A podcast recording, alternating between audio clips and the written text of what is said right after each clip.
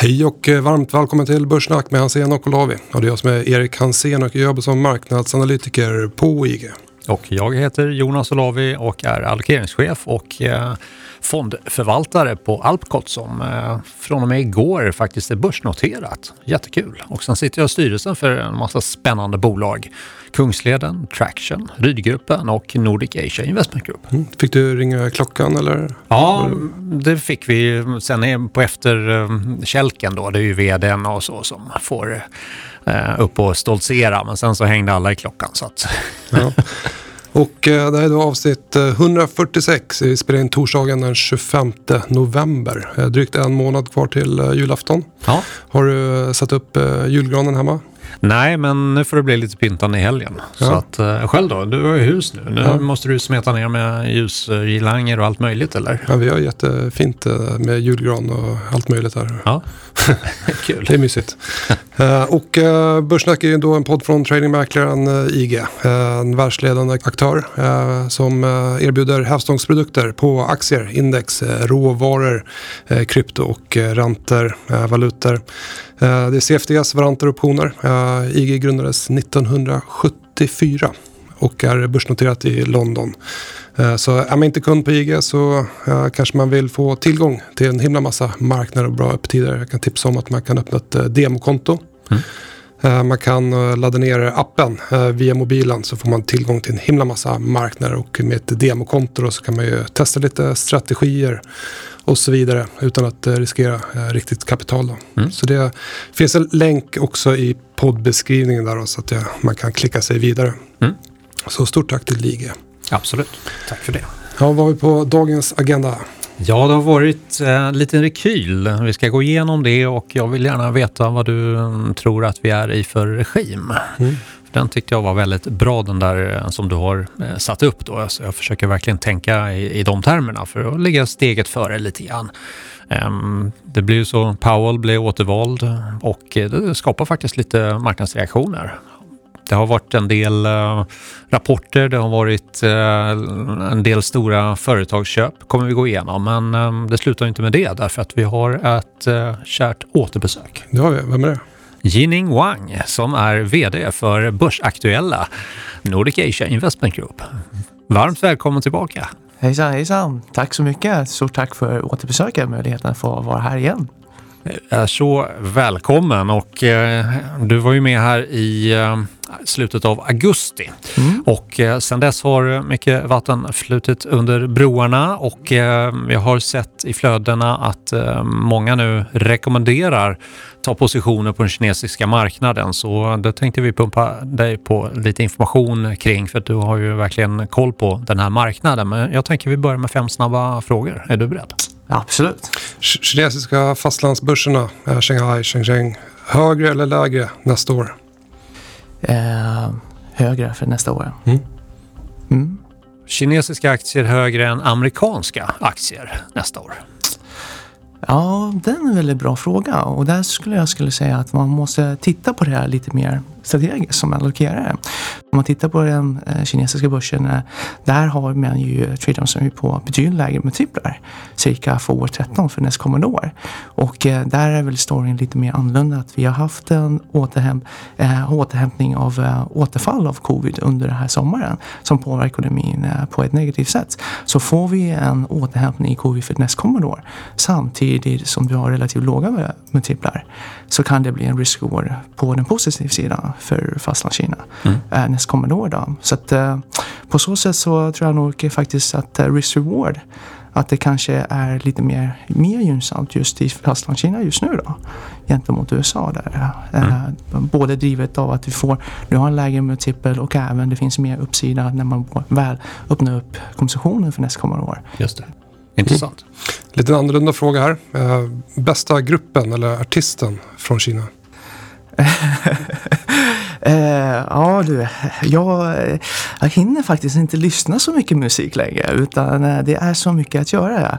Eh, fokus på Nordic Asia. Men eh, däremot så finns det en artist Eh, som jag kan faktiskt rekommendera. Eh, jag kan skicka ut i länkarna. Han kanske blev lite större ett år sedan eller två år sedan. Då. Han heter Na Å Körö. Okay. Eh, och eh, den artisten, det är faktiskt en hiphopartist. Mm. Och han är faktiskt från Urumqi. Så att på något sätt så har liksom hiphop blivit väldigt stort i Urumqi. Och eh, han är väldigt, väldigt duktig. Så att jag, jag skickar gärna lite länkar till er ja, efteråt så, så kan ni kika på det. Ja, ja bra med inspiration. Ja. Ehm, största hotet mot kinesiska börsen? För nästkommande år? Ja, nästkommande år. Eh, jag skulle faktiskt säga att det finns, råder ju en osäkerhet kring när man kommer öppna upp eh, samhället eh, mer. Man har ju haft en sån här zero tolerance policy under en längre period. Eh, så det är en stor del. Eh, och den andra delen det är väl eh, det är väl fortfarande lite grann av de här handelsrestriktionerna eh, eh, eh mellan USA och Kina. Nu har ju vi sett en väldigt bra möte, första möte med Xi Jinping och Biden. Men uh, där, det är fortfarande tidigt skede. Så man vet inte helt uh, hur uh, de diskussionerna kommer gå för nästkommande år. Så det är väl också en, en, en risk mm. ska man säga, för nästkommande år. Sista frågan. Mm. Om du får välja ett nyckeltal, vilket väljer du? Ett nyckeltal? då skulle jag säga ROE. Mm. Då kör vi. Då kör vi.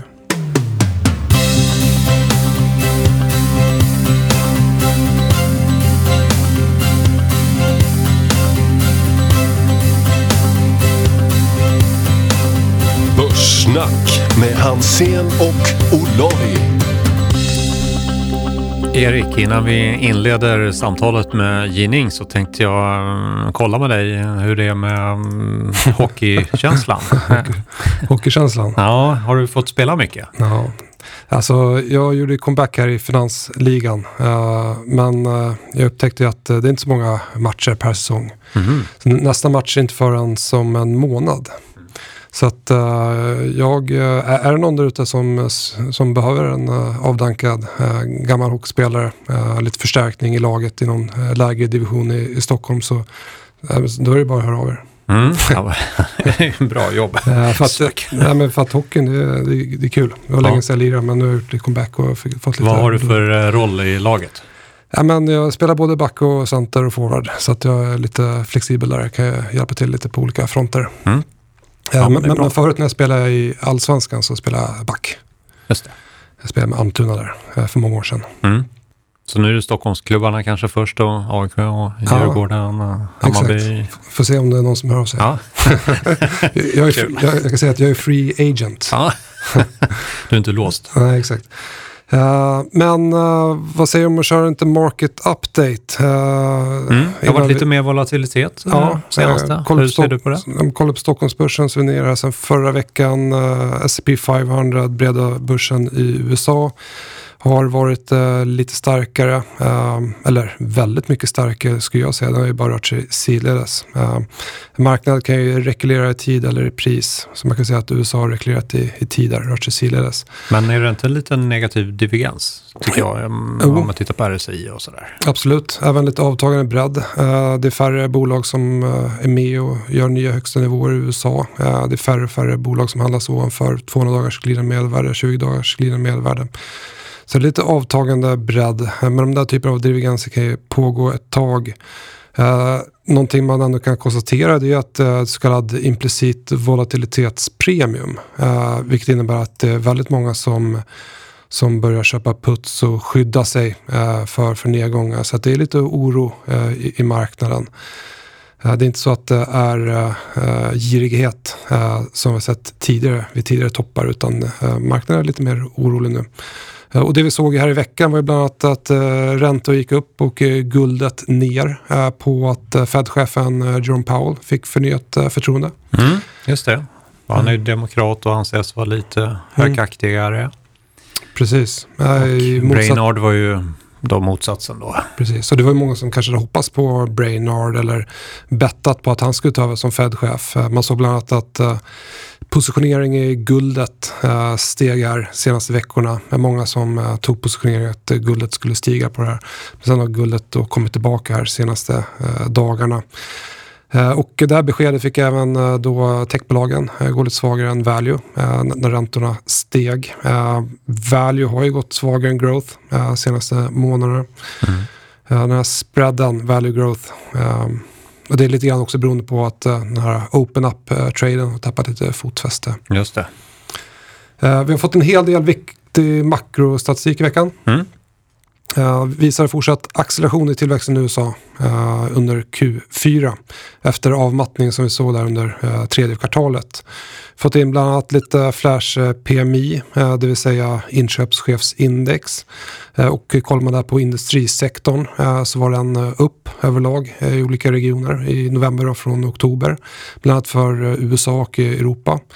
Framgick att utbudsproblemen fortsätter att störa samtidigt som prisförväntningarna är höga. Kollar vi Tyskland eh, där covid-restriktionerna har eh, tyngt. Eh, där var industri-PMI ner. Fick även den här konjunkturella indikatorn IFO från Tyskland också ner. Så det är lite svagare just i Tyskland och andra europeiska länder men USA går det fortsatt starkt. Koll på Fed-protokollet som vi kunde läsa här i veckan. Vad, vad kunde du läsa där? Ja, det var att man förbereder sig än mer för tapering mm. och man är orolig för att inflationen biter sig fast. Det var väl de liksom, viktiga hållpunkterna i rapporten, tänkte jag då. Mm. Ja, men jag tog med mig samma sak där. De börjar förbereda sig lite grann för att kanske börja tapera i i, eh, i, ökad takt mm. än vad de kanske tidigare har tänkt sig. och tidigare så har de ju pratat om att eh, inflationen borde tappa lite fart i, tillväxten under hösten och vintern och nu vi under vintern här men de tror att den kommer hålla i sig lite längre. Mm. Och det där, eh, när jag lyssnar på Ben Bernanke så menar ju han på tumregeln eh, på ett ungefär var 12 eh, till 18 månader från att eh, taperingen hade avslutats till att man började höja räntorna. I så fall innebär ju det att mm, taperingen ska ju då, om man inte accelererar programmet, mm eh, var slut i sommaren. Och så får man ju räkna då 12 månader, typ, ish. Mm. Då, är det, typ, då är det ju på 2023 då. Men prissättningen i marknaden just nu, vad jag har sett, är ju på tre räntehöjningar 2022 och tre 2023. Det låter väldigt aggressivt, mm. tycker jag. Så det, nu är det en diskrepans mellan vad Fed säger och vad marknaden tror. Och det gapet måste stängas, för annars tänker jag att det blir ökad volatilitet. När marknaden då kastas mellan lite hopp och förtvivlan där då. Vad menar de? Och så kan det bli så att det blir mer aggressivt, vilket då ställer upp räntorna mer, vilket kommer få effekter då på ja, räntekänsliga sektorer. Uh, jag tänker fastigheter kommer säkert få sig en törn, tillväxtbolagen kommer få sig en törn. Så att det är ju det vi går emot eh, nu framöver, tänker jag. Då. Mm. Och du har sett också att eh, korta räntor har stigit just på förväntningar och att marknaden då tänker sig att det kommer lite fler räntehöjningar. Eh, mm. Samtidigt som de långa räntorna eh, föll tillbaka här tidigare men nu har de börjat återhämta sig igen. Då. Mm. De långa räntorna brukar mer styras kanske av inflationsförväntningar och konjunktur medan de korta styrs mer av hur eh, centralbankerna äh, agerar med sina räntor. Just det, och när man tittar på den långa prissättningen på 30-åriga obligationer så kan man ju se att äh, flackningen har varit ganska stor och det betyder då att marknaden tror att Fed kommer att punktera tillväxten mm. genom att då vara för snabb, vilket de ju inte har sagt än, men marknaden tror. Så att, ja, det kommer bli ökad volatilitet tror jag då. Ja. Och kollar vi på lite fler makrodata som kom in här i veckan. Vi fick eh, PCI, eh, det vill säga privata konsumtionsutgifter. Eh, en eh, hållpunkt som Fed har som en av sina favoriter där. och den fortsätter att stiga. Kärn-PCE steg till den högsta nivån sedan 1991. Uh, och det här är då ett tecken på att uh, ja, det är acceleration både i tillväxten och inflationen här under fjärde kvartalet. Uh, Riksbanken var ute här i veckan med räntebesked. Hade också presskonferens här i, i morse. Då. Uh, lämnade såklart räntan oförändrad. Uh, räknar med att höja räntan först uh, H2 2024. Så det, det är några år bort. Exakt, men uh, sen vad marknaden uh, tycker om det, det är kanske en helt annan sak då. Mm. Och tittar man på um, till exempel marginaler så brukar det vara så att när inflationen drar så ehm, kommer mar marginalerna för bolagen att eroderas. Och uh, då kan man ju fundera lite grann på var kommer inflationen ifrån? Är den efterfrågestyrd så kan bolagen pressa eh, inflationen vidare till eh, sina kunder som till slut landar hos konsumenterna. Och eh, just nu så bedöms det att det är just en efterfrågestyrd, alltså en procyklisk inflationsuppgång. Då. Och då, det är inte negativt för aktiemarknaden. Det är inte inflation per se Eh, egentligen är heller, men det kan komma från kostnadssidan också och då är det ofta energipriser som drar och det har bolagen mycket svårare att trycka vidare för det blir en enhetskostnad eh, snarare än, än, än liksom att många fler insatsvaror då stiger i värde. Så just när det är efterfrågestyrt snarare än eh, utbudsstyrt då eh, brukar det eh, liksom fortsätta vara en ganska gynnsam marknad. Så jag tror inte man ska hoppa av börsen än så länge och jag ser en del tekniska analytiker som, som ritar eh, charts som ser ganska grymma ut för 2022. Då. Det kan säkert bli ökade rörelser men det finns mycket som fortfarande talar för börsen tycker jag. Mm. Jag, jag kan ju dra lite kort om min marknadsregimsmodell och också då komma in lite grann på min börsvy. Mm, absolut och koppla samman lite grann det, det du säger där. Eh, det, det jag kollar på i, min modell, eh, det är två olika faktorer. Det är då inflation och tillväxt. Man kan stiga eller falla. Exakt. Eh, och jag har också med mig här ett litet citat från Ray Dilo från boken Principles. I knew which shifts in the economic environment cause asset classes to move around, and I knew what those relationships have, have remained essentially the same for hundreds of years. There are only two big forces to worry about growth and inflation. Each could be rising or falling. So I saw that by finding different investment strategies, uh, each one which could be doing well in particular environment. Rising growth with rising inflation, rising growth with falling inflation and so on. Uh, så, så, det han säger är egentligen att han använder olika strategier uh, beroende då på om inflationen uh, stiger eller faller. Och det här blir då fyra olika faser. Uh, jag jag har ju kollat ganska mycket på det här och jag såg bland annat att GaveCal, uh, en av dina favoritanalyshus, mm. Mm. också uh, har skrivit lite grann om det här. Jag vet inte hur mycket man använder det, men jag hittade en artikel där. Där de också har fyra olika uh, faser. Då. Uh, sen finns det massa andra aktörer också som använder det här frameworket. Det är ingenting som jag har uppfunnit utan jag tar bara det bästa av, de bästa. Mm. Sen, sen använder jag någonting som, som passar mig. Då. men olika marknader, olika sektorer går ju då olika bra beroende på vilken eh, fas vi är inne i, eller mm. vilken regim. Eh, och det man också bör tänka på är vilken fas som marknaden diskuterar. För man vill hela tiden frontrunna eh, ekonomin eftersom aktiemarknaden är framåtblickande. Mm. Så det är en sak att konstatera vart vi är någonstans och sen måste vi också eh, försöka frontrunna det. Eh, och vi vill inte heller fastna i olika narrativ i marknaden eller påverkas av andra eh, åsikter utan eh, vi vill inte tro eller hoppas utan vi vill liksom hela tiden vara eh, datafokuserade eh, och objektiva. Eh, och jag utgår från USA. Eh, jag har inte tid att liksom, mappa det här på, på alla ekonomier.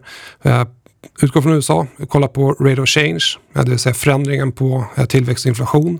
Jag kollar inte på nivåer, utan för marknaden så är det förändringen som är mm. intressant. Någonting som du också brukar prata om. Mm. Eh, centralbanker och ekonomer kan ibland prata om nivåer. Eh, men för marknaden så är det just förändringen som, som är intressant. Uh, och där fick vi bland annat lära oss under våren, sommaren 2020 när tillväxttalen var väldigt låga. Det var rekordhög arbetslöshet och så vidare. Men just att den här förändringen förändrades och det gick från att vara väldigt, väldigt dåligt till att vara lite, lite mindre dåligt. Mm. Och aktiemarknaden rusade på det. Mm. Eh, under Q3 eh, så hade vi en avtagande eh, tillväxt och stigande inflation. spridning av delta tyngde tillväxten under i tredje kvartalet.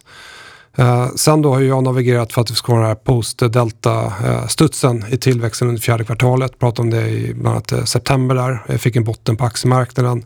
Nu har handlats uppåt här under fjärde kvartalet. Då. Eh, vi får också in eh, makrodata eh, nästan varje dag som liksom bekräftar att eh, tillväxten accelererat här under eh, fjärde kvartalet. Och då är frågan om vi ska fortsätta handla eh, på den här fasen, fas 2, reflation. Eller om vi har fått eh, signaler på att vi ska skifta eh, mot en annan fas. Eh, fas 1 det är stigande tillväxt men fallande inflation. Då. Fas 2, då accelererar både tillväxten och inflationen. Fas 3, då faller tillväxten tillbaka men inflationen är fortsatt hög, eller accelererar. Och sen fas 4, då faller både tillväxt och inflationen som under covid-kraschen där. Eh, och för att avgöra vilken regim som marknaden diskuterar eh, så kollar jag på eh, rankingar på volatilitetsjusterad prismomentum. Det är sektorer, det är faktorstilar, det är globala marknader. Sen använder jag metoder för att fånga upp psykologin i marknaden. Kolla bland annat på positioneringen, kolla på förändring i volatilitet. Så det blir ett stort eh, pussel eh, mm. som man måste lägga. Mm. Eh, gillar jag. I slutändan blir det mer av en, en konst än en vetenskap. Då. Man kan kvantifiera väldigt mycket men man måste ha en god förståelse för vad man, liksom, mm. vad man sysslar med. Uh, och kolla på marknaden nu. Vi har sett att uh, bank, om vi kollar globalt, även uh, i Sverige, har reglerat. energi har reglerat. det här är marknaden som brukar gå starkt i fas 2, reflation. Vi ser att andra marknader som till exempel Quality, om man kollar faktorstil, har gått ganska starkt. Så det är ett tecken på fas 3. Uh, kolla på guldet, eller kolla, vi kan börja kolla på dollarn. Dollarn har gått väldigt starkt här senaste mm. tiden. Verkligen. Och det är ett tecken på, det är inte tecken på fas 2 i alla fall. Utan det är ett tecken mer på att det är lite mer riskaversion i marknaden. Så att det är betydligt mycket mer splittrad bild idag än vad det var eh, tidigare under året när det var väldigt tydlig liksom, reflationstrade när både tillväxten och inflationen accelererade. Fast jag tänker dollarn där, det är väl mm. mer eh, egentligen att man är mer övertygad om att räntorna kommer gå upp.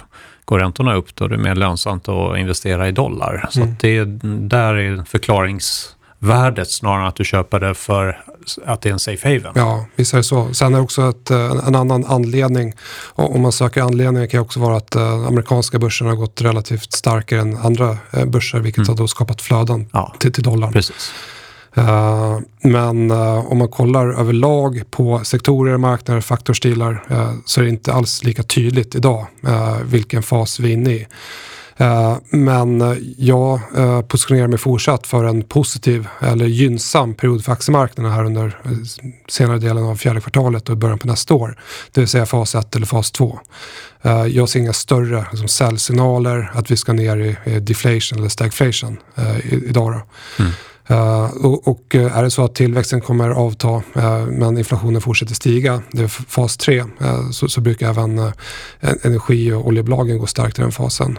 och nu har de rekylerat tillbaka, lite kortsiktigt översålda en hel del av de här, om man kollar på Africa Oil, Lundin Energy och IPC. Mm. Så, så, de bolagen tycker jag är fortsatt intressanta. Mm. guldet som är kortsiktigt översålt brukar ha en stark period här under december och januari. men ju närmare vi kommer 2022 Uh, desto mindre kommer marknaden fokusera på att fjärde kvartalet är starkt och desto mer kanske man börjar oroa sig eller blicka framåt uh, 2022. Då. Ja, absolut. Det är så det brukar se ut. Ja. Eh, men jag är fortsatt eh, positiv till, till, till aktiemarknaden. Mm, intressant.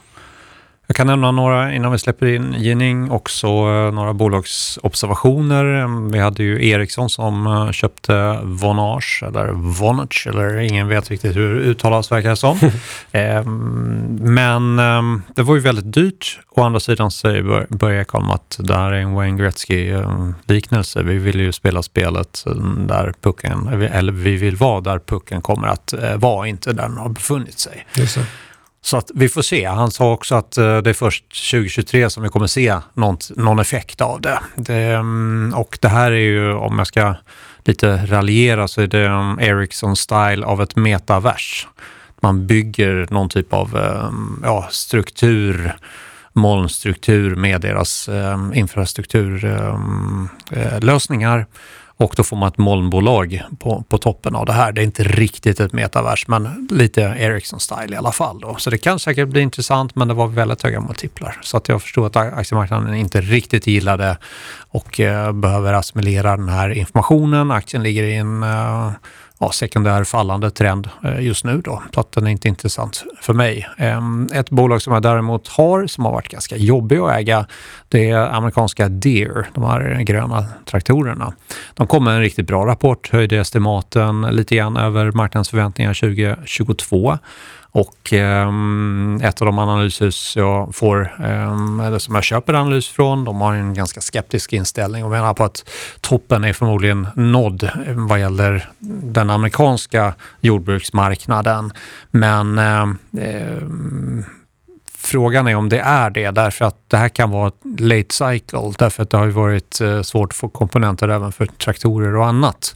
Så det kan vara ett fortsatt uppdömt eh, köpbehov, det är mm. uppsidesrisken då. Och det andra är att eh, kinesiska efterfrågan på sojabönor och korn kommer att fortsatt hög, vilket ju inte är helt otroligt eftersom man håller på med de här bilaterala samtalen där en av ursprungsidéerna från Trumps initiativ var ju att de skulle köpa ganska mycket amerikanska produkter och det är jordbruksprodukter bland annat. Så att det talar lite mot att vara för försiktig. Aktien ser rätt intressant ut, ehm, fastnar i en stor ehm, fortsättningsformation ja. Eh, i bästa fall då. Så att eh, jag fortsätter att äga den ett tag till, även om den har varit jobbig att äga från i våras. Den har liksom rört sig ganska brett sidledes. Då. Exakt, konsolidering inom ramen för en positiv trend. Ja, men det var väl de eh, observationer jag hade, men vi gör väl så att vi bjuder in Ginning igen. Det gör vi.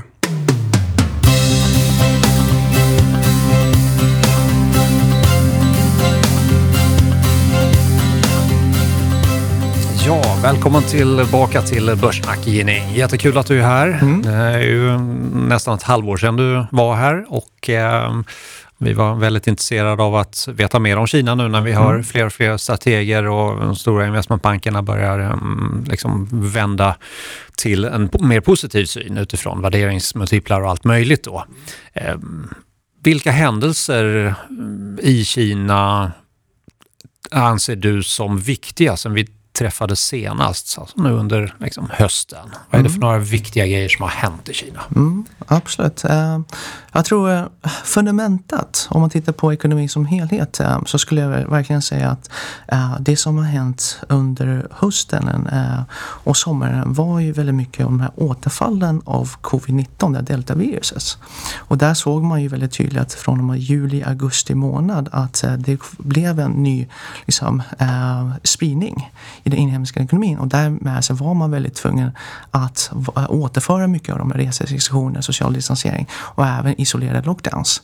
Eh, för att just deltaviruset har ju mycket högre transmissionsgrad än det tidigare viruset. Man är väldigt försiktig och landet där, Kina är ju ett väldigt trångbebott land. Eh, bara i Shanghai är det mer än 20 miljoner invånare. Så skulle deltaviruset få en snabb spridning, ja men då, då, då fläras det upp eh, väldigt snabbt. Då. Så på så sätt så var man väldigt restriktiv i just hur man hanterar kontrollerade liksom, sociala uh, utgångar etc. etc. för att kontrollera deltaviruset. Så att nu har man ju avklarat det. Uh, och uh, nu kommer ju så Eh, under hela hösten så var man väldigt fokuserad på just att hantera deltaviruset och påverka ekonomin eh, under den här perioden. Eh, men nu har man då på ett sätt kommit lite mer över det och vaccinationsgraden har kommit till cirka 80 procent. Så det är en stor händelse faktiskt om man tittar på det som har hänt under, under hösten. Sen en annan stor händelse som vi tycker det är ju också det här sjätte planariemötet som kom in på senare tid. Och där mer eller mindre så fast fastställer man då de kommande liksom, långsiktiga planerna. För att eh, ni kanske känner till, Kina har ju de här lång, väldigt långsiktiga planerna. Mm. Så att redan 1921 eh, då hade man ett 100-årsmål. Och 1949 hade man ett till 100-årsmål. Eh, och det, det, man sa då var 1921 att eh, framåt, eh, framåt 2021 då ska eh, hela Kina vara över poverty line. Mm. Det vill säga man ska alleviera fattigdomen i hela landet. Just. Och det har man faktiskt lyckats med. Och sen 20, eh, 2049 då, då ska man bli ett eh, modernt utvecklad ekonomi. Och vad det egentligen betyder i våra termer, det är ju att eh, Kina kommer bli ett eh, utvecklat land per capita basis också. I termer av de levnadsstandarder som vi har i väst. Så det är de två 200 årsmålen. Eh, och eh, under det här sjätte plenariet så är det en, en, en mer eh, fotfäste kring de långsiktiga målen och på nära håll så är det två huvudsakliga milstolpar. 2035, ja men då ska Kinas GDP per capita vara ungefär hälften den av 2050 och 2050 då ska Kina ha kommit till en nivå där per capita basis har samma levnadsstandard som eh, i väst. Mm. Um, och det är ju liksom ett förtydligande kring den resa som Kina är på just nu. Då. Nu ställer man ju om till en konsumentekonomi och konsumtion ska, ska ju vara den största andelen i landets tillväxt framöver. Men det krävs ju väldigt många delar. Det, är det första är att man ska ha, fortsätta jobba med den här långsiktiga planeringen. Så, att, eh, så som Kina fungerar, det är ju liksom man har långsiktig planering och marknadsekonomi två i ett. Så man styr landet både med den liksom, uh, the visible hand och the invisible hand. Men det har fungerat bra för landets utveckling faktiskt. Uh, och så det är väldigt viktigt att man fortsätter med det. Och sen så måste man hantera obalanserna i landet. För Kina är ju som sagt ett utvecklingsland och utvecklingsland samtidigt. Så många delar av Kina har ju varit väldigt utvecklat i Shanghai, Shenzhen och andra städer. Men det finns ju stora obalanser ute i landsbygden. Mer än 40 procent av landets eh, befolkning bor ju fortfarande i rurala delar. Eh, och sen är det fortsätta fördjupa reformerna mot en marknadsekonomi. Mm. Och det är väl det som jag tror kanske eh, inte om man, om man jobbat där och liksom har följt det här under en längre period. Eh, det är faktiskt verkligen så att hela landet har haft, det som har drivit en ekonomisk utveckling i Kina under en period här har varit införande av marknadsekonomi. Så att uh, små företag står ju för mer än 80 procent av uh, anställningen och mer än 60 procent av GDP. Så att man är väldigt tydlig att marknadsekonomi måste än mer infrias i landet och luckra upp andra delar som kanske var tidigare statsägda.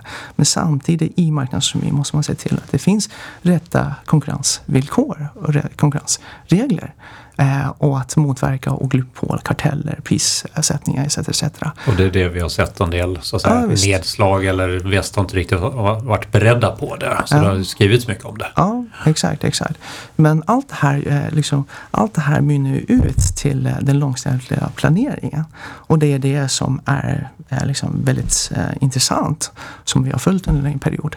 Eh, och nu då 2035, ja, men då ska GDP per capita mer dubblas. Och 2050 ska man nästan komma upp till eh, liksom västerländska nivåer på hela eh, Kina. Då. Och eh, GDP per capita i dagsläget ligger på cirka 10 000 USD-dollar per capita per år. Gentemot Sverige nästan 50 000. Um, så det är, det är den nya långa marschen kan man säga. Mm. för landets ekonomi som uh, ME uh, fick en fotfäste här uh, i samband med det här stora mötet. Mm. Och sen så kommer det mer konkretiseras i nästa, nästa års uh, partikongress så att säga. Senast vi såg så pratade en hel del om fastighetsmarknaden i Kina som var på tapeten då. Mm. Hur ser situationen ut idag? Ja, jag skulle faktiskt säga att eh, just på den delen där bör man faktiskt luckra upp lite mer.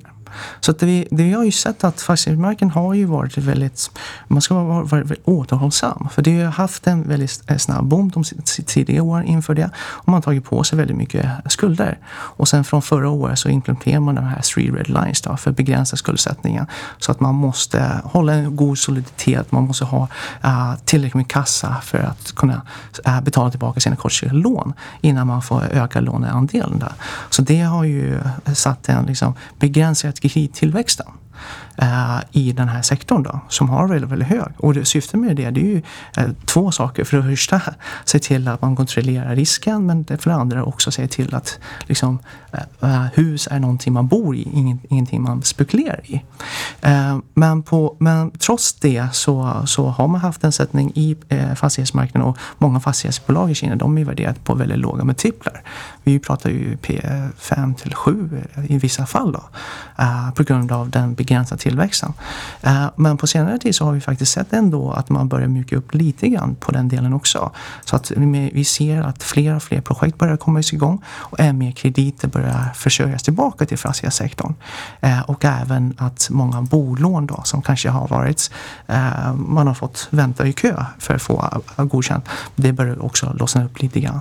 Kredit, kreditimpulsen har ju varit ett eh, fokusområde mm. för många eh, mm. som följer ekonomi. Mm. Och mm, impulsen är ju negativ i Kina. Det beror mycket på den här fastighetsomdaningen. Eh, mm. ehm, jag har också sett att centralbankschefen har varit ute och uttryckt oro för situationen som den ser ut just nu. Mm.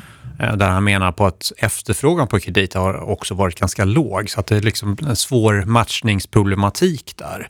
Vad tror du nästa steg är om, om jag tänker centralbankstermer då mm, och mm. Kina? Alltså det, det, är en väldigt bra fråga och vi kan väl säga att eh, man har varit väldigt återhållsam när det gäller penningpolitiken eh, under, hela, jag ska säga, under hela det här året faktiskt. Man var, var mer stöttande, man lättade på det under föregående år på grund av covid-krisen. Men under hela det här året på grund av att man ändå hanterade covid eh, i början av året innan deltaviruset så, så har man faktiskt varit relativt restriktiv i penningpolitiken. Men nu börjar vi faktiskt se en ny ton man har faktiskt gått ut och man ger än mer krediter till fastighetssektorn som vi märker nu. Och man har haft en eh, mer ton kring att ja, men, det kan finnas delar i ekonomin där man kanske ändå behöver få ut lite mer kapital för att stötta landets ekonomi. Och eh, så att faktiskt M2-tillväxten på senaste veckorna har faktiskt vänt tillbaka. Mm -hmm. eh, eh, och där ska man också veta att eh, Kina har ju inte gjort de här stora obligationsköpen, de här liksom, eh, kontrarevisning och eh, räntenivåerna ligger ju fortfarande på cirka 2-3 procent just nu. Eh, så det finns faktiskt eh, mer möjligheter till lite mer eh, lättnader policies. Jag tror inte det kommer bli någonting stort då. Men jag tror det kan ändå vara, intoningen kan vara att momsen var lite mer mindre återhållsam kan man säga. Mm. Kanske lite mer liksom, riktade i specifika sektorer. Så att inom fastighetsmarknaden som vi ser, det är ju att projektstarten har ökat. Flera har kommit tillbaka till eh, börja arbeta i projekten och till och med i Evergrands fall också då, så har eh, deras projekt återupptagits. Då.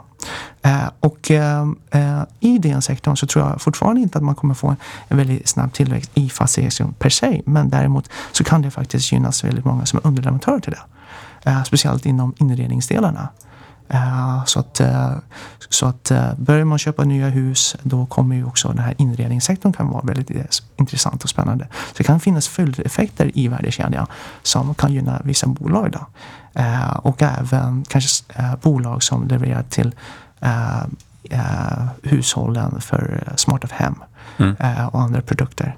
Så det kan säkert vara en vinnare i den här sektorn när liksom fastighetsdelen börjar lättas upp än mer. Då. Om vi tar rapportperioden, eh, hur har den varit generellt eh, och vad är tonläget från bolagen? Mm. Ser de ljusnande framtid eller kämpar de på och inte säger så mycket? Mm, hur ser det ut? Eh, jag skulle säga att det är väldigt blandat beroende på vilken sektor Eh, man fokuserar på. Så att, uh, vi äger ju, ju uh, en hel del bolag inom 5G-sektorn. och de bolagen, de har faktiskt haft relativt bra eh, rapporter under den här perioden. Eh, för det är en strukturell tillväxtmarknad. Då, så det drivs väldigt mycket som inte så mycket påverkar av konsumtionen. Då. Så att de bolagen, de tuffar på. Eh, och efterfrågan är fortfarande stark i just det ledet. Sen så om man tittar lite på konsumtionsmarknaden per se, den har varit svag under Q3. Det har det verkligen varit. För på grund av just den här uh, covid-smittan som man öppnat upp och stängt ner så har det ju skapat en konjunkturkänslighet i just de här konsumentbolagens intjäning. När man då ett kvartal öppnar upp, ja men då är det en väldigt bra försäljning och sen andra kvartalet stänger ner igen. Ja men då blir det dålig försäljning för de bolagen som är mycket mer serviceinriktade. Um, så, att, uh, så det är väldigt uh, branschspecifikt skulle jag säga. Uh, men de flesta bolagen, trots de här liksom, som kortsiktiga rörelserna, så de flesta bolagen de fortsätter att återinvestera i sina verksamheter. Uh, så att eh, bolagens ledning och bolagets eh, vad ska jag säga, syn på marknaden, de ser mycket av det här som lite mer kortsiktiga. även i bilbranschen så är det ju vårt halvledarbrist som har påverkat produktionen. Och några av de bolag som vi äger som exporterar har ju haft höga fraktkostnader under det här året. Men mycket av det ser de som kortsiktiga liksom, påverkan. Men med intoningen från bolagen så som vi ser det är ändå att man fortsätter återinvestera i verksamheterna, bygger ut, eh, bygger ut eh, flera offlinebutiker och även satsar på nya produkter. Så det är fortfarande, bolagen i sin tur är fortfarande på en väldigt expansivt Mm. situation. Du nämner flaskhalsar där och höga fraktkostnader. Mm. Hur ser den generella prisbilden ut i, i Kina? I väst så har ju de flesta bolagen under rapportperioden pratat om uh, stora uh, prisökningar mm. i en rad olika segment. Uh, mm. ser, ser bilden annorlunda ut i Kina jämfört med till exempel USA och Europa? Nej, jag skulle också säga att bolagen ökar sina priser nu. Det gör de. Det är, det är, vårt PPI har ju gått upp så att råmaterialpriset har ju ökat. Så den pushar man ju ut till kund. Det gör man ju. Och även på, uh, på speciellt konsumentledet då, kanske i food and beverages. Där ser vi också att man måste höja priserna ut mot kund. Så många av de bolag som vi äger har faktiskt gjort det också. Uh, så att, uh, men inflationen är fortfarande relativt låg i dagsläget. Då. Men det finns såklart uh, risk för att den kanske kommer upp lite grann framåt nästa år. Men vi ser, vi ser att våra bolag de måste också höja sina priser för att kompensera för den kostnadsökning som de har haft under året. Ett sätt att jobba med inflationsbilden är ju att använda valutan som ett ja, vapen eller verktyg. Eh, och den kinesiska valutan har ju varit väldigt stark. Mm. Ser du en risk, beroende på vilken sida man står på naturligtvis, men att, att det finns en medvetenhet att försöka försvaga den? Eh, just för att hantera inflationen eller mm, det finns liksom en misstanke att ja, Kina kanske gör så att de försvagar valutan för att få konkurrensfördelar framöver när tillväxten generellt är, kanske är ja, konstlat låg eller hur man ska uttrycka det. Jag, jag, jag skulle säga, alltså, eh, skulle valutans påverkan, den är Alltså, historiskt sett så har den haft en, en kanske större vikt. Då. Men, men nu är ju fokus att man ska eh, driva om landet och ställa om landet till en inhemsk ekonomi. Och konsumtionstillväxten står ju för mer än två tredjedelar av tillväxten av landets eh, GDP-tillväxt. Eh, och exportdelen den har ju sjunkit rätt mycket. Den var ju cirka 30 procent eh, för tio år sedan och nu är, ligger den på cirka 18 procent. Eh, eh, och en högre valuta innebär också lägre importpriser. Um, så att uh, jag, jag, tror faktiskt, om man kollar på CNY så har den varit väldigt stabil. Den har varit stabil, har ökat upp lite grann på senare tid. Men um, jag, skulle, jag, jag, ser inte att det kommer finnas någon, någon väldigt viktig eh, liksom, eh, syfte för att specifikt göra någonting med valutan för att påverka landets återhämtning. Utan det är än mer viktigare för landet just nu. Då. Hantera covid, se till att man får den vaccinationsgrad man, får, man mm, har. Så att man börjar öppna upp den inhemska ekonomin. Det tror jag nog har än mer betydelse och påverkan om man verkligen vill få upp ekonomin eh, för nästa kommande år. Mm. Ja, du sa ju att två tredjedelar var konsumtionsekonomi och resten är exportekonomi. De här gamla. Eh, ja, så att då finns det kanske inte någon politisk anledning att eh, höja priserna för konsumenterna. Nej, så nej, därigenom så ja. kanske den fortsätter vara stark då i ett relativt perspektiv. Då. Ja. ja. För, för, förra året så noterade jag att uh, kinesiska valutan har en väldigt stark koppling till uh, bitcoin. Aha, okay. när, uh, när, när, valutan föll då så, så, så, köpte kineser mycket bitcoin. Intresset ökade för att man ville skydda sig mot en svag inhemsk valuta. Då. Men den kopplingen har faktiskt eh, försvunnit här under eh, senaste halvåret ska jag säga. Och bitcoin har också försvunnit från Kina. Man får inte mina där längre. Nej, men det finns, det finns andra sätt att exponera sig mot eh, bitcoin. Det gör väl det. Men, men om vi pratar lite grann om, om din portfölj. Ja. Du har drygt 20-30 bolag i portföljen. Ja. Hur har de levererat här under rapportperioden? Du nämnde 5G-bolagen har gått ja. starkt. Då. Mm. Ja, nej men absolut. Så att, eh, vi äger 25 bolag i portföljen just nu och i tre strategiska pelare. Vi har 5G-sektorn, handelsplattformar och sen så lokala varumärken. Så att eh, 5G-bolagen och underleverantörer till den sektorn, den är väldigt bra. Fortsatt väldigt starkt. Eh, men det är klart att, eh, att, eh, att eh, det beror också på internationell efterfrågan. Så man har haft kanske i vissa bolag någon återeftersläpning då på grund av faktorna och så vidare. Men generellt sett är det väldigt starkt inom den sektorn och den kommer nog att äh, förstärkas än mer framåt nästkommande år. Då. Äh, och det har ju väldigt mycket med, att eh, 5G-utbyggnaden. som så man ligger på cirka en miljon 5G-basstationer just nu. Då. Men den siffran ska gå mot över 15 miljoner i de kommande åren. Så det är, det är, en, väldigt, det är en väldigt stark efterfrågan i den sektorn. Och sen så när vi tittar på handelsplattformar, där tror jag nog att det är väldigt viktigt att titta på vilka bolag. Ja, trots det är att eh, man kan säga generellt så har konsumtionssentimentet eh, eh, ändå gått ner i samband med covid-återfallen. Så att handelsplattformarna, de som är offline såklart, har ju påverkats mer. Men även de, i offline, de som är online då har också haft en lite lägre liksom, konsumtionstillväxt där. Och, men i det så är det väldigt viktigt att hitta vilket bolag man ska äga. Och där var det väldigt tydligt till exempel i Q3 när man kollar på JD mot Alibaba. Alibaba i, den, i Q3 kom ju under förväntan, både på vinst och även på, på, på försäljning. Medan JD överträffade förväntningarna. Och eh, JD hade en tillväxt på 25 procent och ökade kundbasen till cirka 530 miljoner aktiva användare. Och där är det då väldigt viktigt att se och förstå att JD har under en längre period tagit marknadsandelar av Alibaba och Alibaba har kommit till en tak på antalet användare. Och anledningen till att JD har kunnat ta mycket eh, nya användare är på grund av dess direkta koppling till Tencent. Tencent äger ju 17 procent av JD och eh, Tencent i WeChat har ju kopplat upp så att man kan direkt integrera, man har direkt integrerat id.com i WeChat. Så att om du öppnar upp WeChat i dagsläget så kan du gå till en id-butik på en gång. Och eh, på grund av det trafikinströmningen från WeChat så har id.com kunnat tagit marknadsandelar. Och eh, en, en, en, ett segment som har varit väldigt svårt för id att kunna ta marknadsandelar är just för de som bor kanske i de här 3, 3 till 4 städerna. För JD har ju varit mycket fokuserat på T1-T2.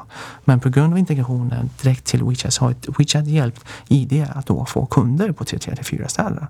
Så att, um, så att även i handelsplattformen så är det väldigt viktigt att då särskilja vad som händer i den marknaden. Och uh, att uh, vi har ju då varit väldigt positiva till det under en längre period. Då. Givetvis äger vi lite Alibaba också för de är en så stor bas och en så stark dominerande ställning. Men vi har väldigt positiva till det under en längre period. Och just det här trafiktillströmningen från Tencent till det har gynnat det bolaget äh, väl då. Mm. Och har fortfarande tillväxtpotential för de har cirka 4, 530 miljoner aktiva användare gentemot Alibaba på 900 miljoner aktiva. Så där finns ju fortfarande mer tillväxtpotential att ta.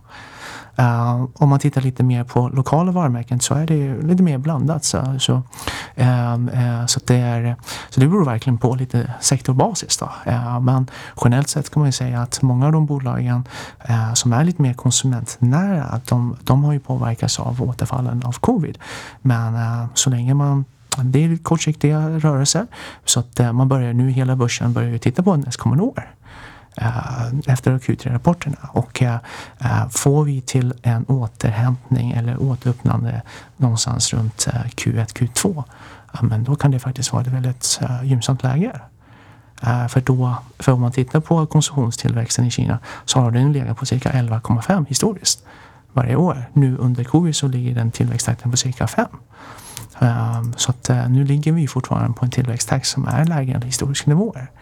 Eh, så kommer man tillbaka så kan det faktiskt vara ett bra läge då. Ja, och även eh, för många av de bolagen, de fortsätter expandera sina offline-kanaler trots allt. Då. Så de eh, börjar ju förbereda för okay, när vi kommer tillbaka. Om man vill få en exponering mot kinesiska aktier, hur ska man tänka då? Ja, Eh, och där finns det ju liksom ett par olika tillvägagångssätt. Eh, givetvis kan man ju eh, köpa aktierna direkt eh, om man gör den analysen och liksom har den i förståelse för de bolagen. Eh, men då krävs ju verkligen att man gör eh, gedigen analys och, och helst då skulle jag liksom verkligen föredra att man är lite mer på plats och har den möjligheten att genomtränga den informationen. För den informationsunderlag som vi besitter på, som vi har diskuterat idag, det kommer ju direkt från marknaden och mycket av den informationen är ju på kinesiska. så då är det då är det viktigt om man handlar direkt att man får bra information och, äh, på ett bra sätt. Sen finns, det såklart andra alternativ. Man kan köpa en ETF, man kan köpa en fond och Nordic Asia som ett investmentbolag är ett, eh, det som vi fokuserar på är att då ta den här svenska investmentbolagsstrukturen då för att äga just eh, välskötta bolag inom det växande konsumentsegmentet då. Och att vid ett tidigt skede äga några av de här bolagen i de här strukturella tillväxtnischerna när bolagen fortfarande befinner sig i en, i en tidig tillväxtfas. Men vi är ju mycket mer operativt lagt på det sättet att vi, vi är ett investmentbolag, vi har ett team på plats, vi gör all vår analys själva och vi investerar ju egentligen i bolagens långsiktiga affärspotential. Uh, och det är väldigt mycket drivet både marknaden och bolagets egna potential. Där vi vill ta en position i det här bolaget innan dess bolagets potential har realiserats. Men vi fokuserar då i sånt fall mycket mer fundamentalt. Eh, och, då, och det som ska driva avkastningen i vår portfölj är ju bolagets underliggande fundamentala vinsttillväxt över tid. Eh, så då är ju Nordic Asia ett alternativ då. Men, men vi är mycket mer ska säga, operationellt lagd på det sättet och vårt syfte är att äga bolag, bra bolag över längre perioder också. Då. Men det kan man väl också säga att en fondförvaltare som förvaltar kinesiska aktier från Stockholm eller var de nu sitter har vi samma ambition eller? Ja, fast jag skulle säga att de har ju betydligt eh, större portfölj. De har ju liksom många fler bolag än vad vi har. Vi är mycket mer koncentrerade. Vi har ju 25 bolag eh, och eh, vi har ju våra strategiska inriktningar. Så att på så sätt skiljer vi oss rätt mycket från, från en mer traditionell fond. Då. Så att vi är, vi är en, liksom en, en lite mer spetsgrupp då som fokuserar på vår och vår affärsidé är att äga bra bolag inom segmenten och genom bolagens underliggande av, vinsttillväxt skapa avkastning. Så det är vår affärsidé. Så det, på så sätt så skiljer det sig en hel del faktiskt. En, och, en skillnad är väl också att fondförvaltare ofta tar det minsta antalet som man behöver visa, då, tio bolag, där våra tio största. Ni visar hela portföljen. Det kan ja. vara en fördel. Absolut och jag har ju sedan tidigare varit eh, aktiv på eh, ett annat investmentbolag också och ser och verkligen förstår hur, eh, hur det fungerar och, och jag tror verkligen på det här att man ska äga bra bolag i bra segment tidigt. Tror verkligen på det här fundamentala, alfa som man kallar det att eh, vi ska hitta av 100 bolag, vilka av de bolag på längre sikt kommer skapa fundamental alfa och därmed ska vi hitta de bolagen med de starkaste fundamentala drivkrafterna nu när de fortfarande är lite små och äger dem över en längre period. Så det tar jag verkligen till mig och eh, på så sätt så jobbar vi ju som en investeringsfunktion. Vi har ju teamplats och varje bolag som vi analyserar det måste ju gås igenom en investeringskommitté. Eh, och efter det har gått igenom investeringskedjan, då har vi fortfarande en av analytiker som träffar bolagen och följer bolagen som säger till att vår tes med investeringar inte förändras. Och att även management jobbar enligt den strategi som uttalad strategi som de gör. Uh, så det är lite mer, ska jag säga, det, det är mycket mer ett um, operativt lagd mm. strategiskt uh, investmentstruktur då, uh, som särskiljer. Och om man tycker att det kan vara ett spännande komplement till ens portfölj så är det ju ett alternativ då. Mm, just det. Och eh, ni är i en noteringsprocess, planer på att noteras i december. Kan du beskriva vad det är ni gör ja. just nu? Absolut. Nej, men, eh, vi har precis äh, gått ut med prospektet här eh, nyligen så det är väldigt, väldigt kul. Fick med oss ett par riktigt bra ankarinvesterare som tror på oss, även tidigare investerare som har, som har kommit in.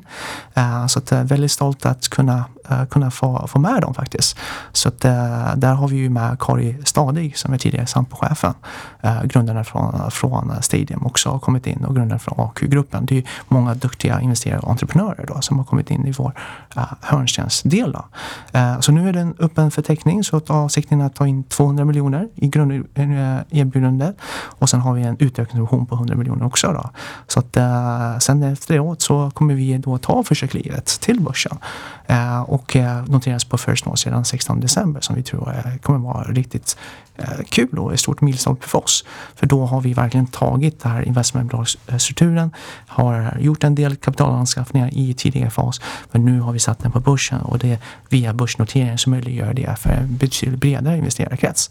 Och vi märker ju att många investerare, både av de, de här riktigt stora investerarna, många saknar exponering mot det här segmentet och eh, trots allt är kanske det här segmentet lite underförståtts eller missförståtts, men det är en väldigt stor ekonomi. Och den här ekonomin kommer växa som än mer till en konsumentledd ekonomi som vi tycker är väldigt intressant. Så att om man backar banden några år, 2010, då var ju Kina världens, då, kom ju, då blev ju Kina världens näst största ekonomi och har precis kommit över Japan. Nu är det 2,8 gånger större än Japan. Och nu är 2020, 2030 så är det faktiskt väldigt mycket som talar för att Kina kommer bli större än USA. Och med en långsiktig planering och det här, det här, den här strukturen med den visible hand och invisible hand eh, tillsammans. Uh, det, och den bas som finns. Kina är ju fortfarande ett enormt stort land. Ungefär lika stort i landyta som Europa. Och eh, uh, 1,4 miljarder människor. Och om man tittar än mer lite historiskt innan, innan äh, den industriella revolutionen stod ju Kina för nästan 40-50 procent av världs BNP. Och anledningen till varför Kina på kinesiska, det heter mittens rike. Det är ju för att det, det, det historiskt sett har varit liksom, eh, världspunkten för land, världsekonomin historiskt. Så att nu tycker vi att det här är ett väldigt spännande tidpunkt. Och då för att äga bolagen när hela Kina skiftar om till en konsumentekonomi men inte har gjort det än. Uh, och uh, därmed så, så, så uh, jobbar vi väldigt hårt för att möjliggöra det här och börsnoteringen blir ju bara ett första steg för att då applicera den här svenska investmentbolagsstrukturen för att äga de här bolagen vid ett tidigt tillväxtskede. Hur, teck, hur tecknar man sig? Var finns information? Jag tror all information finns på uh, vår hemsida och sen så finns det på, uh, kan man teckna sig via Nordnet och även från Avanza. Uh, Om man inte har de två, hur gör man då? Ja, då kan man uh, också teckna sig direkt uh, på vår hemsida faktiskt. Uh, okay. via, via våra anmälningsblankett helt mm. enkelt. Det är ju det är fler och fler strateger, eh, fondförvaltare som börjar lyfta fram Kina som en intressant eh, spaning här inför 2022. Mm. Eh, jag och Jonas har pratat om det lite grann senaste mm. veckorna. Mm. Eh, men om man då vill lära sig lite mer om eh, kinesiska aktier, eh, vilka tre bolag skulle du rekommendera att man börjar med? Eh, eh, jag tror att eh, alltså, det som är viktigt att om man vill lära sig om, om, om aktier och liksom i den, den sektorn så, så är det viktigt att uh, kanske börja med ekonomin och så, så titta på de strukturella tillväxttrenderna. Vilka delar, för det är det som är intressant att egentligen Kina är ju väldigt eh, uh, transparenta när det gäller sina policies. Så ju, ju mer man läser deras policy, till exempel inom energidelen. Nu är det ju så att man, är, man ska komma till peak carbon 2030 och sen från eh, uh, 2060 så ska man vara carbon free. Så de här policies är ju faktiskt väldigt transparenta. Så jag skulle säga, försöka liksom, titta på ekonomin, titta på de strukturella tillväxtnischerna. Sen om man tittar på bolag specifikt, då, då finns det ju väldigt många bolag. Det finns ju mer än 5000 bolag. Men några, några bra bolag som är representativ av där landets utveckling är. Eh, jag skulle ändå tycka att eh, Xiaomi är ett väldigt spännande bolag att bara titta på. För det representerar liksom väldigt mycket den entreprenöriella andan och där Kina är på väg framöver. För det handlar verkligen om att ta väldigt konkurrenskraftiga telefoner, göra det eh, och sälja till en liksom väldigt konkurrenskraftig pris. Eh, direkt adressera en större, större medelklass. Eh, både i den inhemska marknaden men även internationellt. Och eh, det bolaget har eh, lyckats väldigt väl, väl i sin varumärkesuppbyggnad faktiskt. Man har skapat en väldigt stor Mi 5-bas Eh, och strategin för Xiaomi är att man börjar sälja eh, mobiltelefoner. Sen så börjar man köpa deras smarta klockor, man börjar köpa deras smarta tvn och skapa ett ekosystem. Så att man eh, ökar på samförsäljningen. Och jag tror att det bolaget är bra för att bara titta på det för det är så mycket innovation som sker i det bolaget. Samtidigt man gör det till en väldigt låg pris. Så att eh, de här robotdammsugarna som vi ser här i, här i Sverige, eh, de, eh, Xiaomi har en väldigt stor marknadsdel på just robotdammsugarna i Sverige just nu faktiskt. Det kommer från det här bolaget. Mm. Och sen så givetvis många andra bolag i, inom, inom leverantörsledet. För att nu är många som känner till Tesla New. Men vilka är det som egentligen levererar batterierna till dem? Vilka är det som egentligen levererar äh, liksom, batterikomponenter till dem? Några av de kinesiska bolagen är faktiskt äh, ledande i världen i, i dagsläget på underleverantörsleden också. vilka är det? Eh, ett bolag som vi äger heter Semcorp. Och det här bolaget gör litiumjonbatteriseparatorer. Det är en kritisk produkt eh, som krävs för att säkerställa att det inte blir kortslutning i bilbatterierna. Eh, väldigt, väldigt viktig eh, komponent. Och det här bolaget tjänar nästan 40 marginal, växer 70 procent eh, per år. Eh, mer än 50 procent av marknaden i Kina just nu och även börjar ta sig internationellt. Eh, så det finns så att om man är intresserad av den här sektorn så börja med att förstå ekonomin, börja förstå de strukturella tillväxtstrukturerna eller tillväxttrenderna och sen så eh, man måste ta sin tid att läsa på alla bolagen, så givetvis. För det finns väldigt många bolag. Om du kastar in ett köttben till då, då har vi Xiaomi, eh, en batteritillverkare, mm. komponenttillverkare, ett tredje bolag som liksom gynnas av trenderna. Ja, alltså jag skulle i sånt fall ta eh, ett, ett, ett lokalt eh, varumärke. I sånt fall, då, då gillar jag ett bolag som heter Antasport.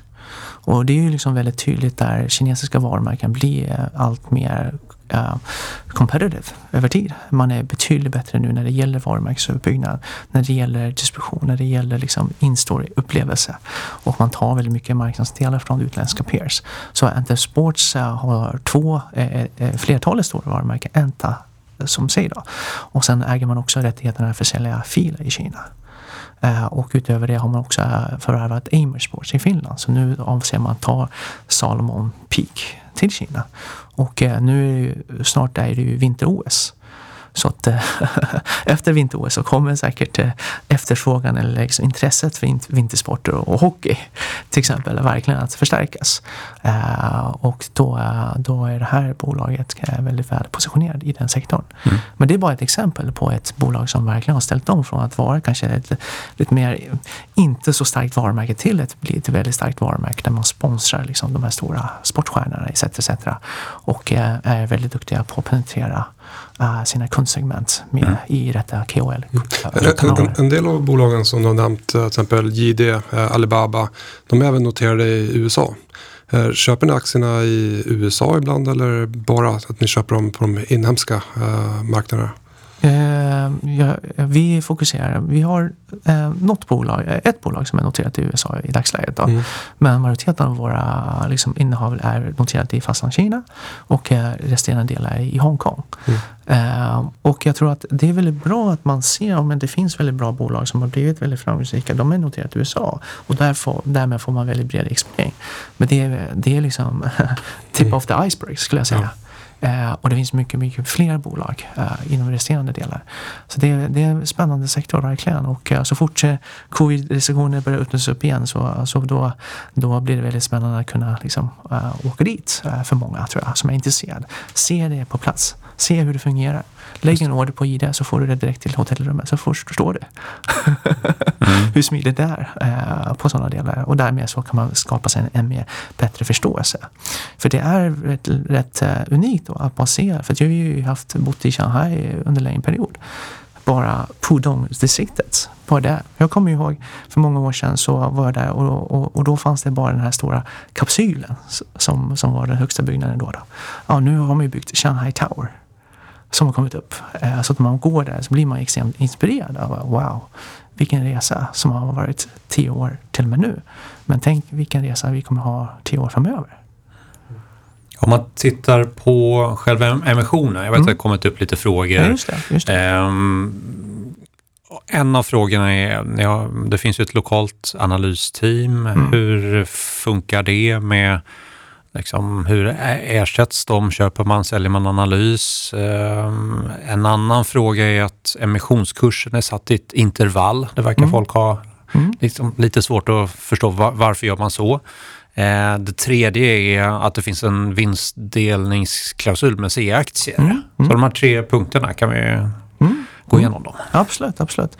Och om vi börjar med den sistnämnda då, för den är, den är väldigt viktig för oss, så är det ju så att eh, vi sedan tidigare, efter många år som jag har jobbat, är, har ju förstått att det är extremt viktigt för de som driver bolag det är, eh, och anställda i bolaget, att de anställda ska jobba så som en ägare. Det är extremt viktigt för oss. Och därmed så vill vi skapa en kultur där de anställda som jobbar i bolaget inte bara känner sig som en anställd utan jobbar på som en entreprenör, som en ägare. Och eh, som många eh, entreprenörer här ute eh, och, eh, och, och, många av de som kanske har, har gått till den här pilotskolan då, eh, att, att, att vara entreprenör gentemot anställd, det är en väldigt stor skillnad. Och jag tror nog inte det kan går att förklara utan man måste ha gjort det för att förstå det. Och därmed vill vi åstadkomma samma typ av kultur i det här bolaget för, eh, eh, för alla som jobbar i bolaget. Det vill säga skapa en ett kultur av stark ägarskap, ansvar och eh, sammankoppla intressen för ledning och med våra aktieägare. För att åstadkomma det, då har vi satt upp en, en, ett holdingbolag som då i sin tur där management tillsammans med anställda samäger det här holdingbolaget. Och det här holdingbolaget i sin tur äger preferensaktier i underliggande investmentbolaget. Och därmed via den här strukturen då har det här holdingbolaget då rätt till 10% utdelning av årets vinst i investmentbolaget. när vi har överstigit vårt högsta uppmätta substansvärde per aktie genom samtliga verksamma år. så, så det betyder faktiskt så att eh, eh, vi har endast rätt till den här 10% utdelning av årets vinst när vi har eh, presterat högre än vårt högsta uppmätningsresultat. Och det är bara på den högsta överskjutande del som vi har rätt till den här, det här, det här eh, speciella eh, utdelningen. Då. Så att om man tar ett exempel så att eh, om substansvärdet eh, är på cirka 10 kronor per aktie så måste, och om vi levererar och substansvärdet per aktie går till 12 då blir 12 vår gräns.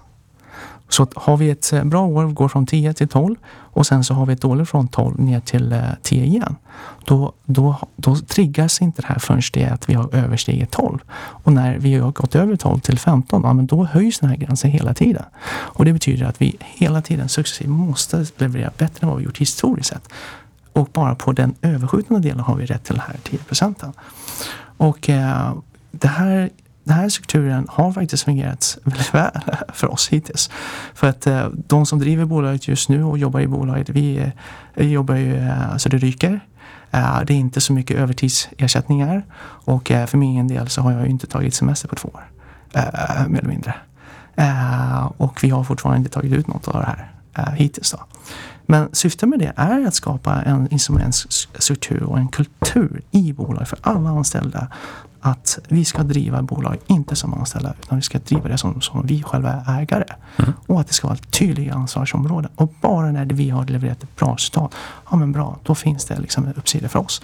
Så det är faktiskt rätt likt många andra sektorer. Det är ingenting som är konstigt. Utan, eh, men syftet för vår del, det är verkligen att skapa den här kulturen som mm. vi tror är väldigt viktig. Och sammankoppla vinstintresset med våra eh, aktieägare via just den här strukturen som fungerar väldigt bra för oss hittills. Då. Och det här eh, intervallet, teckningsintervallet då? Ehm, just det. Just du det. förklarar det. Just det. Nej men det är nämligen så att vi kommer ju sätta den här äh, noteringen på substansvärdet. Så att per den 6 december då kommer vi räkna ut vad är senaste substansvärde. Och det är egentligen substansvärde per aktie som egentligen bestämmer teckningskursen. Äh, syftet med att ha det här äh, intervallet det är ju för att indikera ungefär var vi ligger på någonstans. så att äh, börsen kan ju röra sig lite upp och ner men just nu så, så, äh, så, så ligger vi på cirka 8,50. Så det är bara för att ta ja, höjd för kursrörelse? Ja, precis, precis. Så att man ja. vet ungefär vad det kan bli. Det är, äh, men, men den slutliga teckningskursen den fastställs äh, per den 6 december och det är på substansen som teckningen och emissionen kommer göras till. Mm. Så det är ingen rabatt, ingen premie, vilken är fair och den här prisintervallet är bara indikerar ungefär vad, vad, vad okay. vi förväntar att den här kommer att ligga på. Och den här frågan kring analytikerna i eh, Kina, köper man analysen och liksom, hur ser det här ut? Så att säga? Är de, var är de anställda? Och så? Ja, precis. Alltså för att eh, eh, så som vi har byggt upp bolaget under en längre period så är det ju så att vi, vi har tagit väldigt mycket kostnader i det här holdingbolaget då, som vi har finansierat med egna medel. Och eh, de som sitter där i Shanghai analytikerna, de fortsätter vi betala mycket av deras löner och sådär via det här advisorbolaget. Men vi har ju rätt att när som helst ta över dem. Uh, och, uh, alltså att anställa? Ja, exakt. Exakt, ja. dem direkt uh, i investmentbolaget. Och det gör vi när vi, när, vi, när vi anser att det här avtalet inte är mer gynnsamt för Nordic Asia Investment Groups aktieägare. Så i dagsläget kan man säga att vi, vi, vi betalar lite av de mellanskillnaden själva. Eh, för att säkerställa att vår kostnadspolicy ligger under de här 1,5 procenten. Men när AUM, eller liksom när substansvärdet ökar tillräckligt mycket, då, finns ju, då har vi ju rätt att ta över det anställda direkt i bolaget. Så det är ett beslut då, som kan tas när som helst och den ses ju över hela tiden. Och uh, min styrelseordförande granskar ju alla våra utgifter. Så att, uh, så att, så att skulle det vara så att man anser att det är mer gynnsamt att ta in dem direkt i bolaget, då kan vi göra det när som helst. Mm. Mm. Några avslutande bolagsfrågor här innan vi rundar av. Bästa elfordonstillverkaren? Ja, jag skulle säga Tesla, om man, om man får göra det.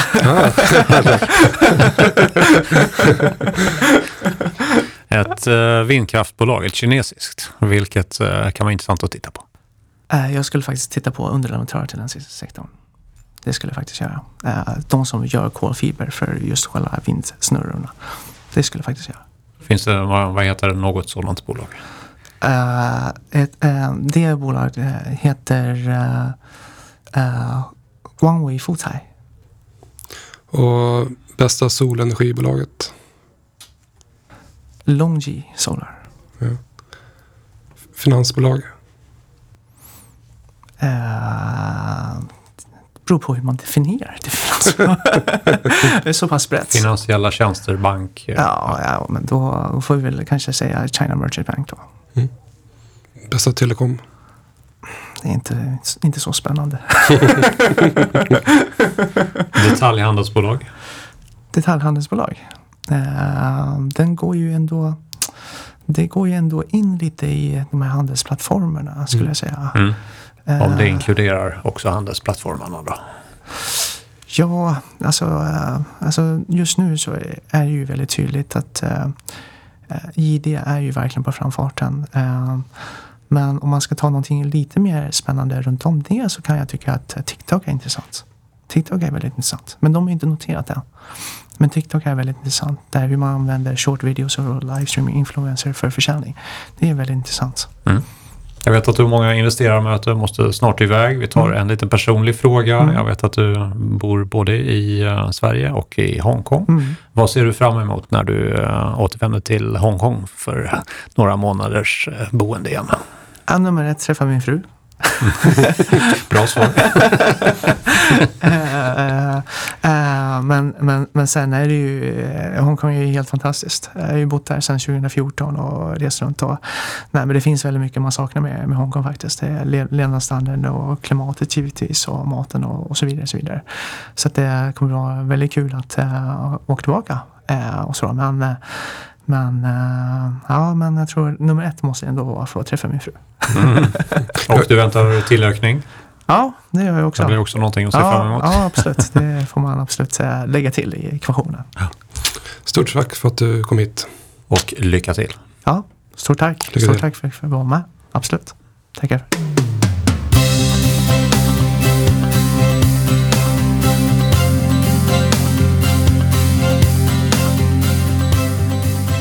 Okej, hur ska vi sammanfatta dagens eh, podcast?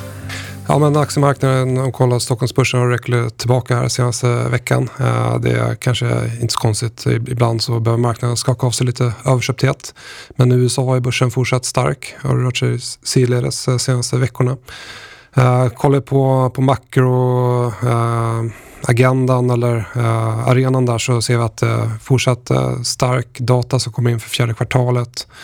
Vi ser lite mer svaghet i Europa, bland annat Tyskland. Eh, mer och mer covid-restriktioner som borde dämpa aktiviteten lite grann eh, även i december.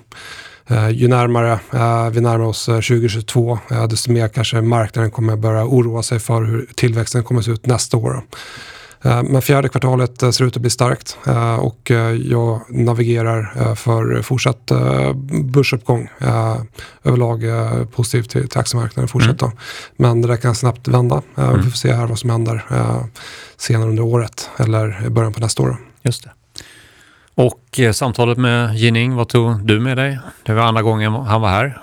Fick du med dig några nya eh, ledtrådar till pusslet kring eh, Kina? Ja, eh, nej, men jag tyckte ändå det var intressant där att han pratade om att eh, centralbanken i, i Kina har en lite mer ny ton. Eh, eh, nytt tonläge när det kommer till de penningpolitiska eh, stimulanserna eh, som har varit lite återhållsamma här senaste tiden. Då. Eh, så att samtidigt som många centralbanker i, i världen, västvärlden, även i Asien börjar eh, strama åt lite grann eh, så är det en liten annan bild för, för Kina. Mm. Eh, nämligen så att de har varit lite åtstramade men nu kanske de börjar eh, lätta eh, lite grann då, eh, på just kranen helt enkelt. Mm. Eh, Och det är någonting vi har pratat om och spekulerat kring under eh, hösten egentligen.